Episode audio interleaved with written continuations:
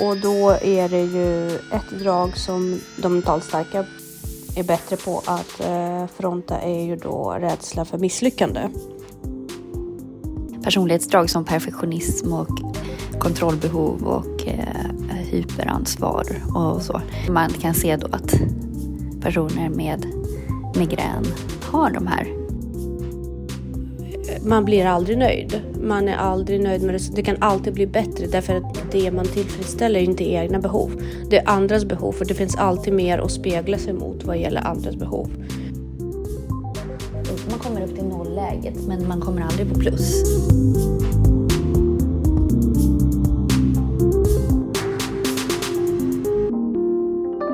Hej Jessica! Hej! Hur är det? Hur är det? Båda undrar hur det är på en gång. Ja. Eh, hur är det med dig? Ja, men det är bra. Det? Vad känner du är bästa nu inför våren? Vad ser du mest fram emot? Oj. eh, eh, svår fråga. Nej, men det är inget speciellt jag ser fram emot sådär. Jag bara... Jag vet inte. Du, du bara mår bra, liksom ser fram emot det. ja, jag bara är. Härligt. Det är nog en sund inställning. Du då? Uh, hmm, ljuset, tror jag faktiskt. Ja, jo, men det är klart. Men det har ju varit ett tag nu. Ja, men jag blir bara, jag känner att jag vaknar till mer och mer och eh, jag har nu kollat de senaste månaderna, kollat på min sa- sambandet mellan min mens och min energinivå och jag upplever att det är så starkt så att eh, all, all hjälp jag kan få i vardagen som inte är utifrån mina egna förutsättningar då utan eh, eh, utifrån stimuli så är, så är det tacksamt så att den, det där ljuset är ju verkligen välkommet liksom. Mm. Eh, Så det är väl det. Ska vi säga varmt välkomna, till Ansvarspodden.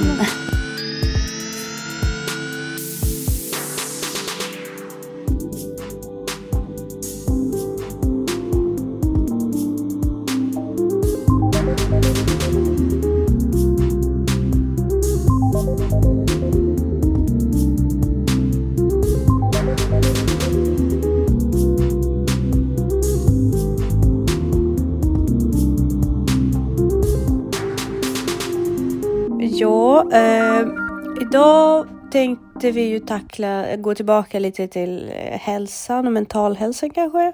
Tackla lite migrän, perfektionism och drag som skiljer mentalt starka människor från de som har det lite svårare.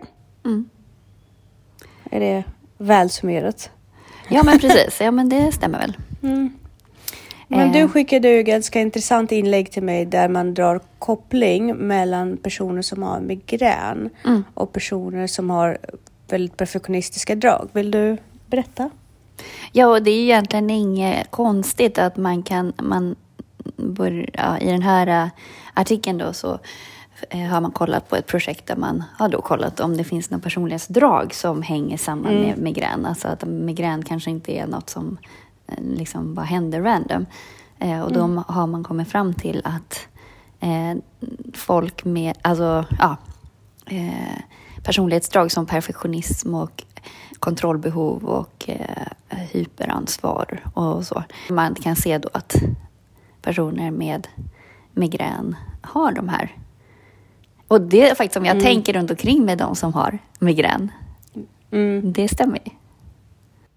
Ja, och jag tänkte också, ja framförallt drog jag också den parallellen mellan de som har, lider av liksom just den här migrän där man behöver dämpa ljuset och är väl, blir väldigt svag inför liksom, stimuli som ljud och ljus.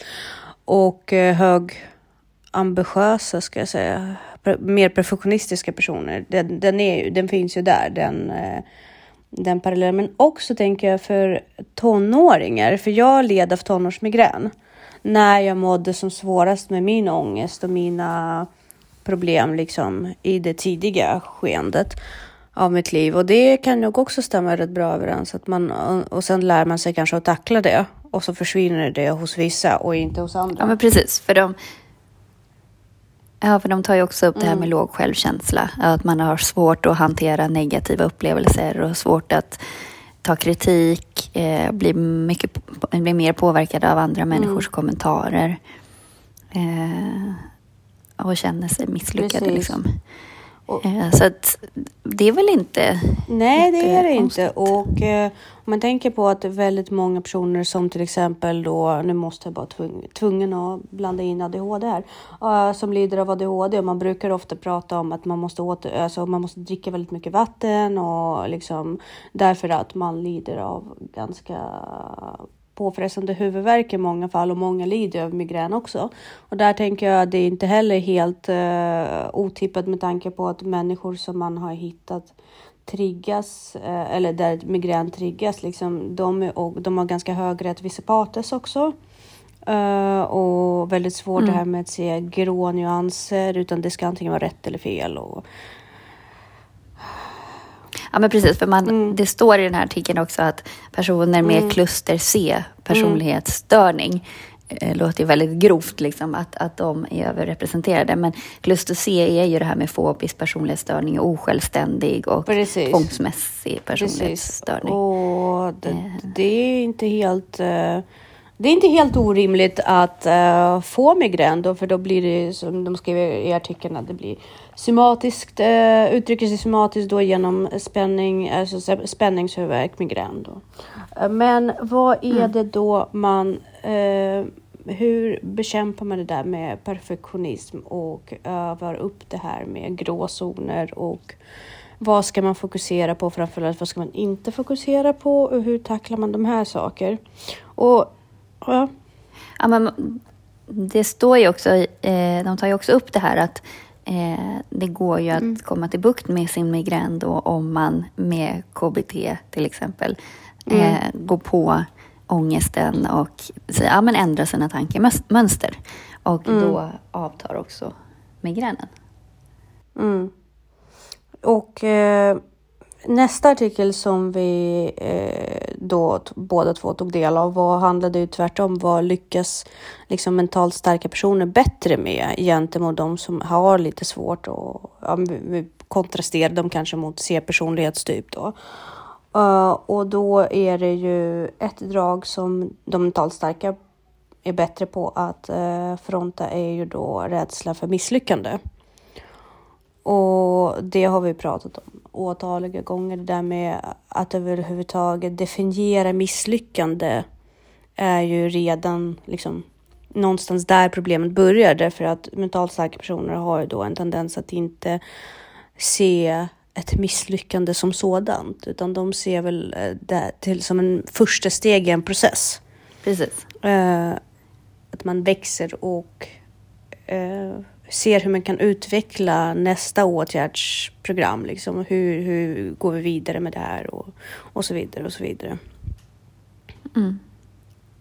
Och man, nyligen såg jag också en TED-talk där man pratade om att eh, om man ska vara eh, egen företagare, lansera en produkt till exempel, då är det bättre att lansera och analysera än att analysera och sen lansera. För då blir konkurrensen mycket högre också.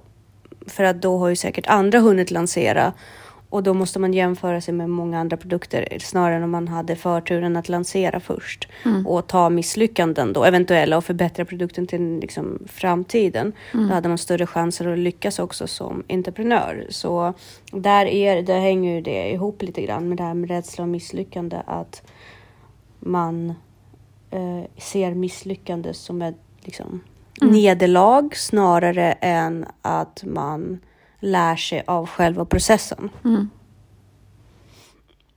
Och inte minst så tänker jag när vi är i det pedagogiska Mm. så kanske vi också ska tänka på att eh, när vi pratar med barn och kollar på deras prestationsinsatser och det har vi också egentligen snuddat vid väldigt många gånger och även pratat på djupet om att man uppmuntrar att de gör snarare än, än resultatet utan det är prestationen och deras arbetsinsats som är det viktiga. För lägger man fokus på det och lägger man dopaminpåslag i att prestera, i, inte att prestera utan att faktiskt göra någonting.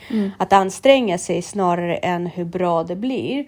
Då blir ju också det positivt betingat, alltså själva insatsen blir ju positivt betingat gentemot resultatet. Man behöver inte lyckas, man behöver bara göra och där kan man redan få sitt dopaminpåslag och därmed nytt, äh, det främjar ju inlärning att man fortsätter åt att, att anstränga sig och försöka, försöka, försöka snarare än att man liksom blir helt utslagen av ett nederlag. Mm. Tänker, tänker vi. Eller hur? Precis. Yes. Nästa Ja, men det är det här med eh, rädsla för att bli avvisad. Mm. Eh, så att om man inte är så rädd för det, då tvekar man ju inte, utan då bara kör man ju på. Så det är ju också mm. ett sånt drag som då, att man framstår då som stark.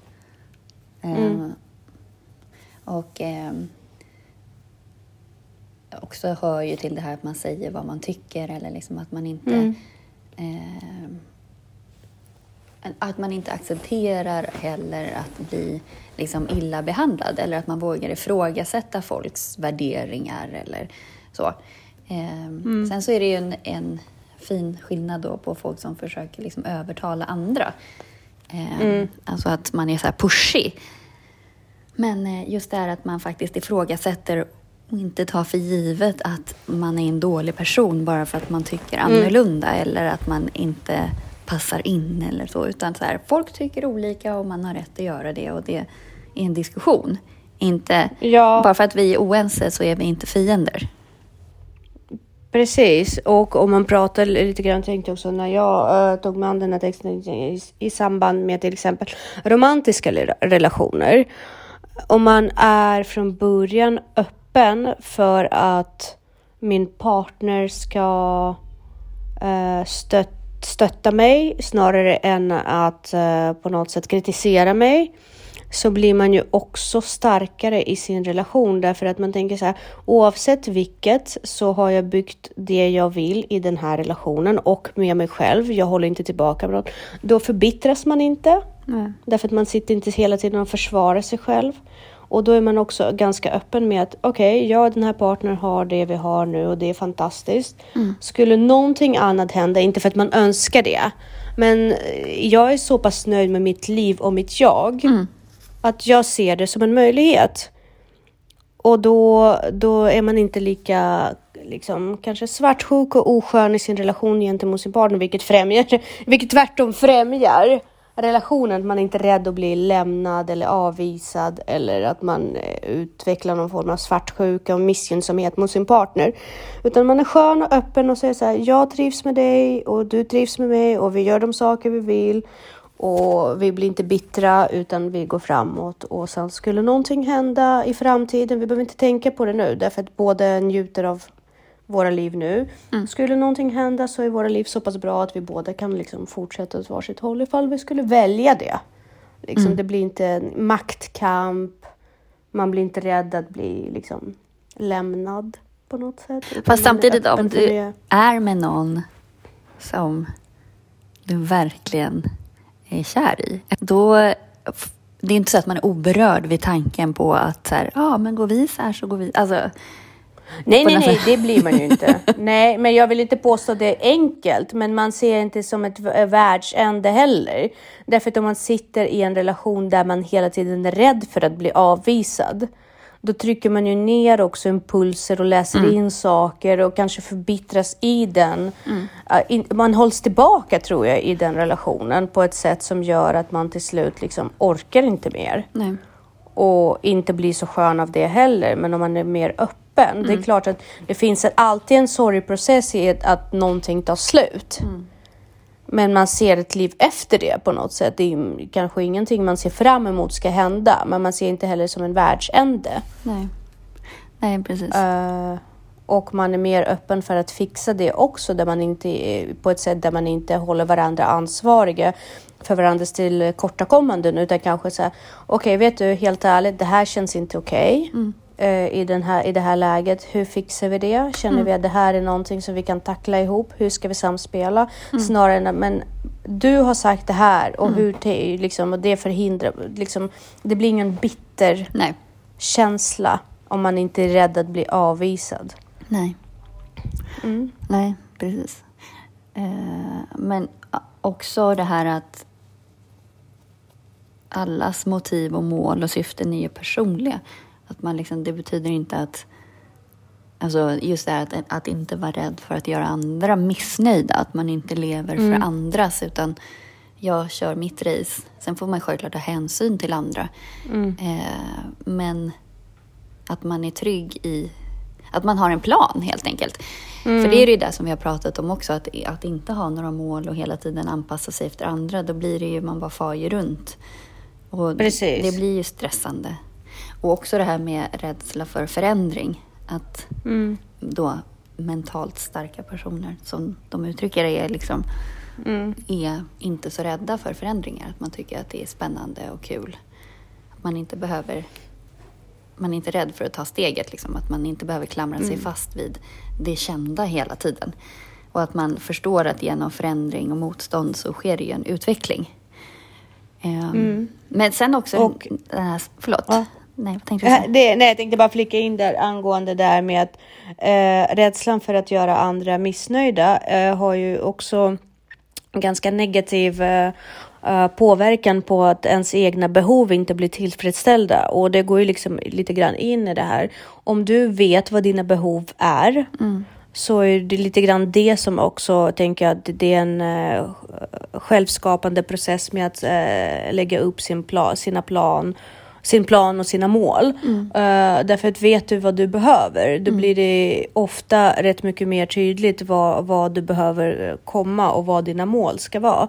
Och utifrån detta, om du har tillräckligt hög integritet för att du är beredd och respektera dina egna behov för att vara lycklig, då blir ju andras missnöje, inte, det står inte heller i centrum. Alltså förutsatt att man inte går på lik och är oskön i sitt sätt att uppnå det och att din lycka inte liksom eh, innebär att någon annan ska vara olycklig. Men då tänker man så här, okej, jag förstår att det stör dig, den här delen, men det är faktiskt mina behov som styr det. Och eh, jag har rätt att eh, tillfredsställa mina egna behov, inte på din bekostnad, men jag kan inte hela tiden eh, liksom ta ifrån mig själv eh, och eh, offra mina egna behov för att du inte ska misstycka eh, och så vidare. Och liksom då, det påverkar både valet av ens partner och, och kanske valet av ens vänner och verkligen se var, var är mitt behov. Därför att eh, om man följer upp mål som andra sätter upp för en, kanske ens partner eller ens föräldrar eller vad det kan, vem det kan vara i ens närhet, kanske någon form av sken prestige och status inom en viss grupp. Då blir man ju berövad sina egna behov och då kämpar man ju förgäves och trampar liksom vatten eh, och gör slut på sig själv, ofta mentalt, förbittras och inte heller blir tillfredsställd. Man blir inte nöjd. Nej. Och där, där eh, slår den här perfektionismen väldigt mycket tillbaka. Eh, och perfektionisttänkande därför att man, man blir aldrig nöjd. Man är aldrig nöjd med det. Det kan alltid bli bättre därför att det man tillfredsställer är inte egna behov. Det är andras behov för det finns alltid mer att spegla sig mot vad gäller andras behov. Eh, därför du vet inte riktigt vad de andra vill. Du Nej. antar, du är, rädd, du är rädd för vissa förväntningar och att det ställs vissa krav på dig. Men du vet ju inte egentligen om du när du uppnår dem. Så det finns alltid något annat att sträva mot och eh, liksom skruva åt sig själv lite hårdare och jobba lite mer. Och därav känner man aldrig den här känslan av tillfredsställhet därför att det är inte ens egna behov Nej. man sätter i fokus. Och eh, det hetsar ju bara då perfektionismen. Samtidigt som rädsla för förändring blir ju väldigt svår därför att eftersom det inte är sina egna behov Nej. man, man är ute efter så Nej. blir också omställningen enormt krävande därför att man har ingen aning vad man har att brottas med. Man kan inte liksom förvänta sig och skapa strategier i förväg utan om det förändras, då kan alla förutsättningar förändras. Du vet inte vad de har att göra med för de kommer inte från dig. Men du kommer behöva anpassa dig för att göra andra lyckliga. Uh, och därav kanske panik liksom. Mm. Det sista som eh, de mentalt starka personer är bättre på, det är att, att inte vara rädda för framgång. Mm. Eh, och den, den kan jag förstå väldigt mycket. Därför att i, jag kan säga så här, jag skulle aldrig vilja ha en position där jag är chef eller ledare för andra. Mhm. Eh, I dagsläget. Nej. Därför att jag känner så här att jag vill inte, därför att jag vill vara fri. Jag vill inte ha ansvar Nej.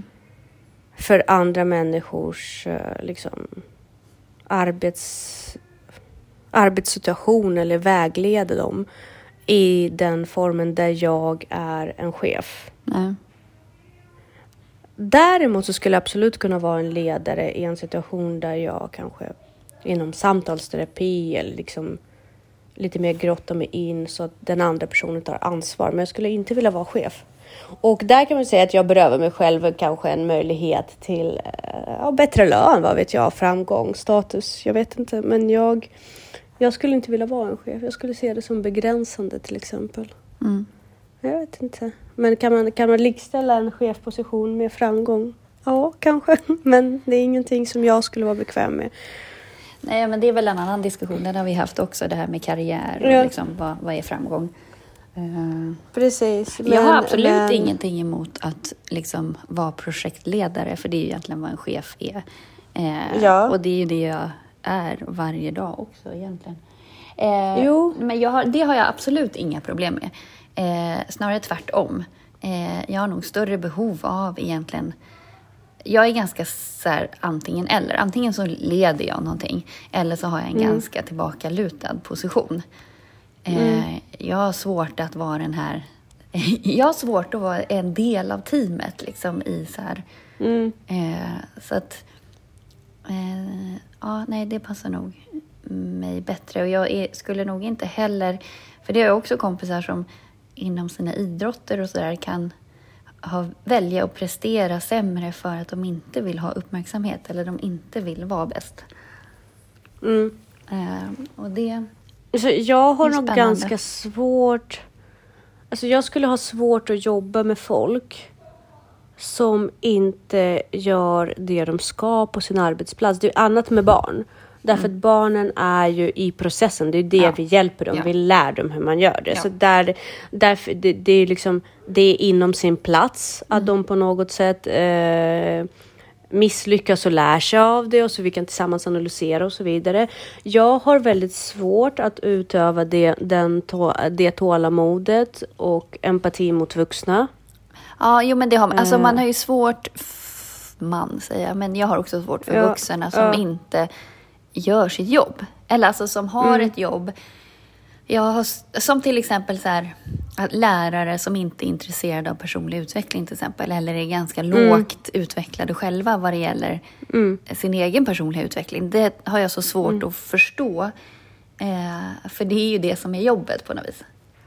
Ja men absolut. Det är vårt, vi måste bli kompetenta inom självutveckling därför att i slutändan det är ju det som är vår unika gåva till barnen. Att leda dem igenom den processen. Ja, och sen så för att kunna Eh. vara med barn så måste Mm. man ju ha ganska stor, stor självbehärskning och vara ganska liksom lirkig och sådär.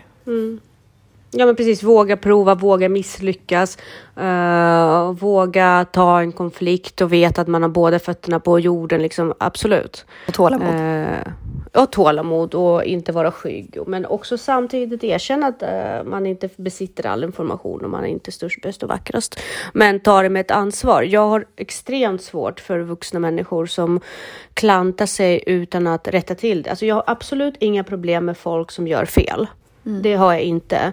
Men jag har väldigt svårt med folk som inte tar ansvar för det. Mm. Eh, till exempel att man eh, begå, begår ett misstag och sen bara skyller ifrån sig.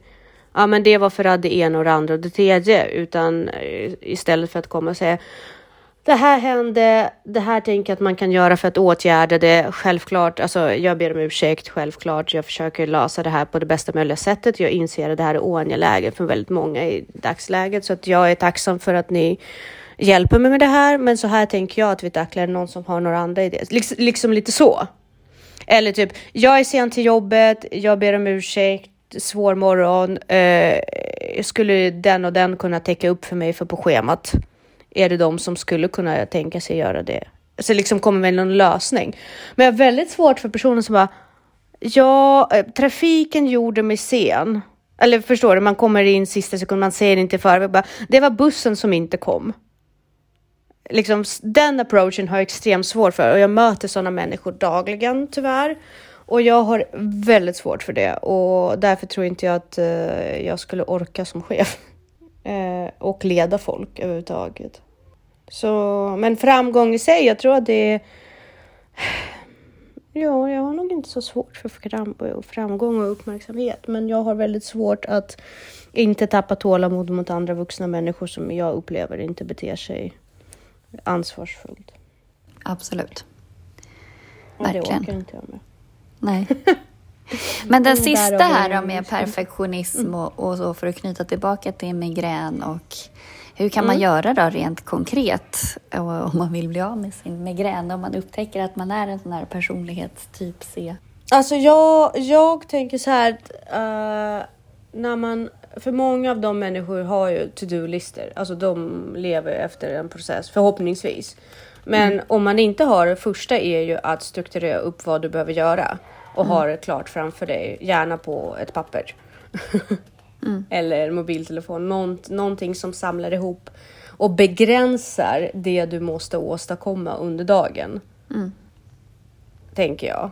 Mm. Uh, och sen så även skriva ner saker, bedrifter som man gör men inte haft på listan. För det gör man ju också emellan också, uh, för man försöker hinna med det också tänker jag när man är perfektionist. Jag, jag har ju en tendens när jag går in i det här ganska energiska och flow liksom. Då gör jag ju saker som jag heller inte har skrivit upp utan som kommer med liksom på köpet när jag är mm. i bra flow. Mm. Jag har lärt mig att skriva upp det också.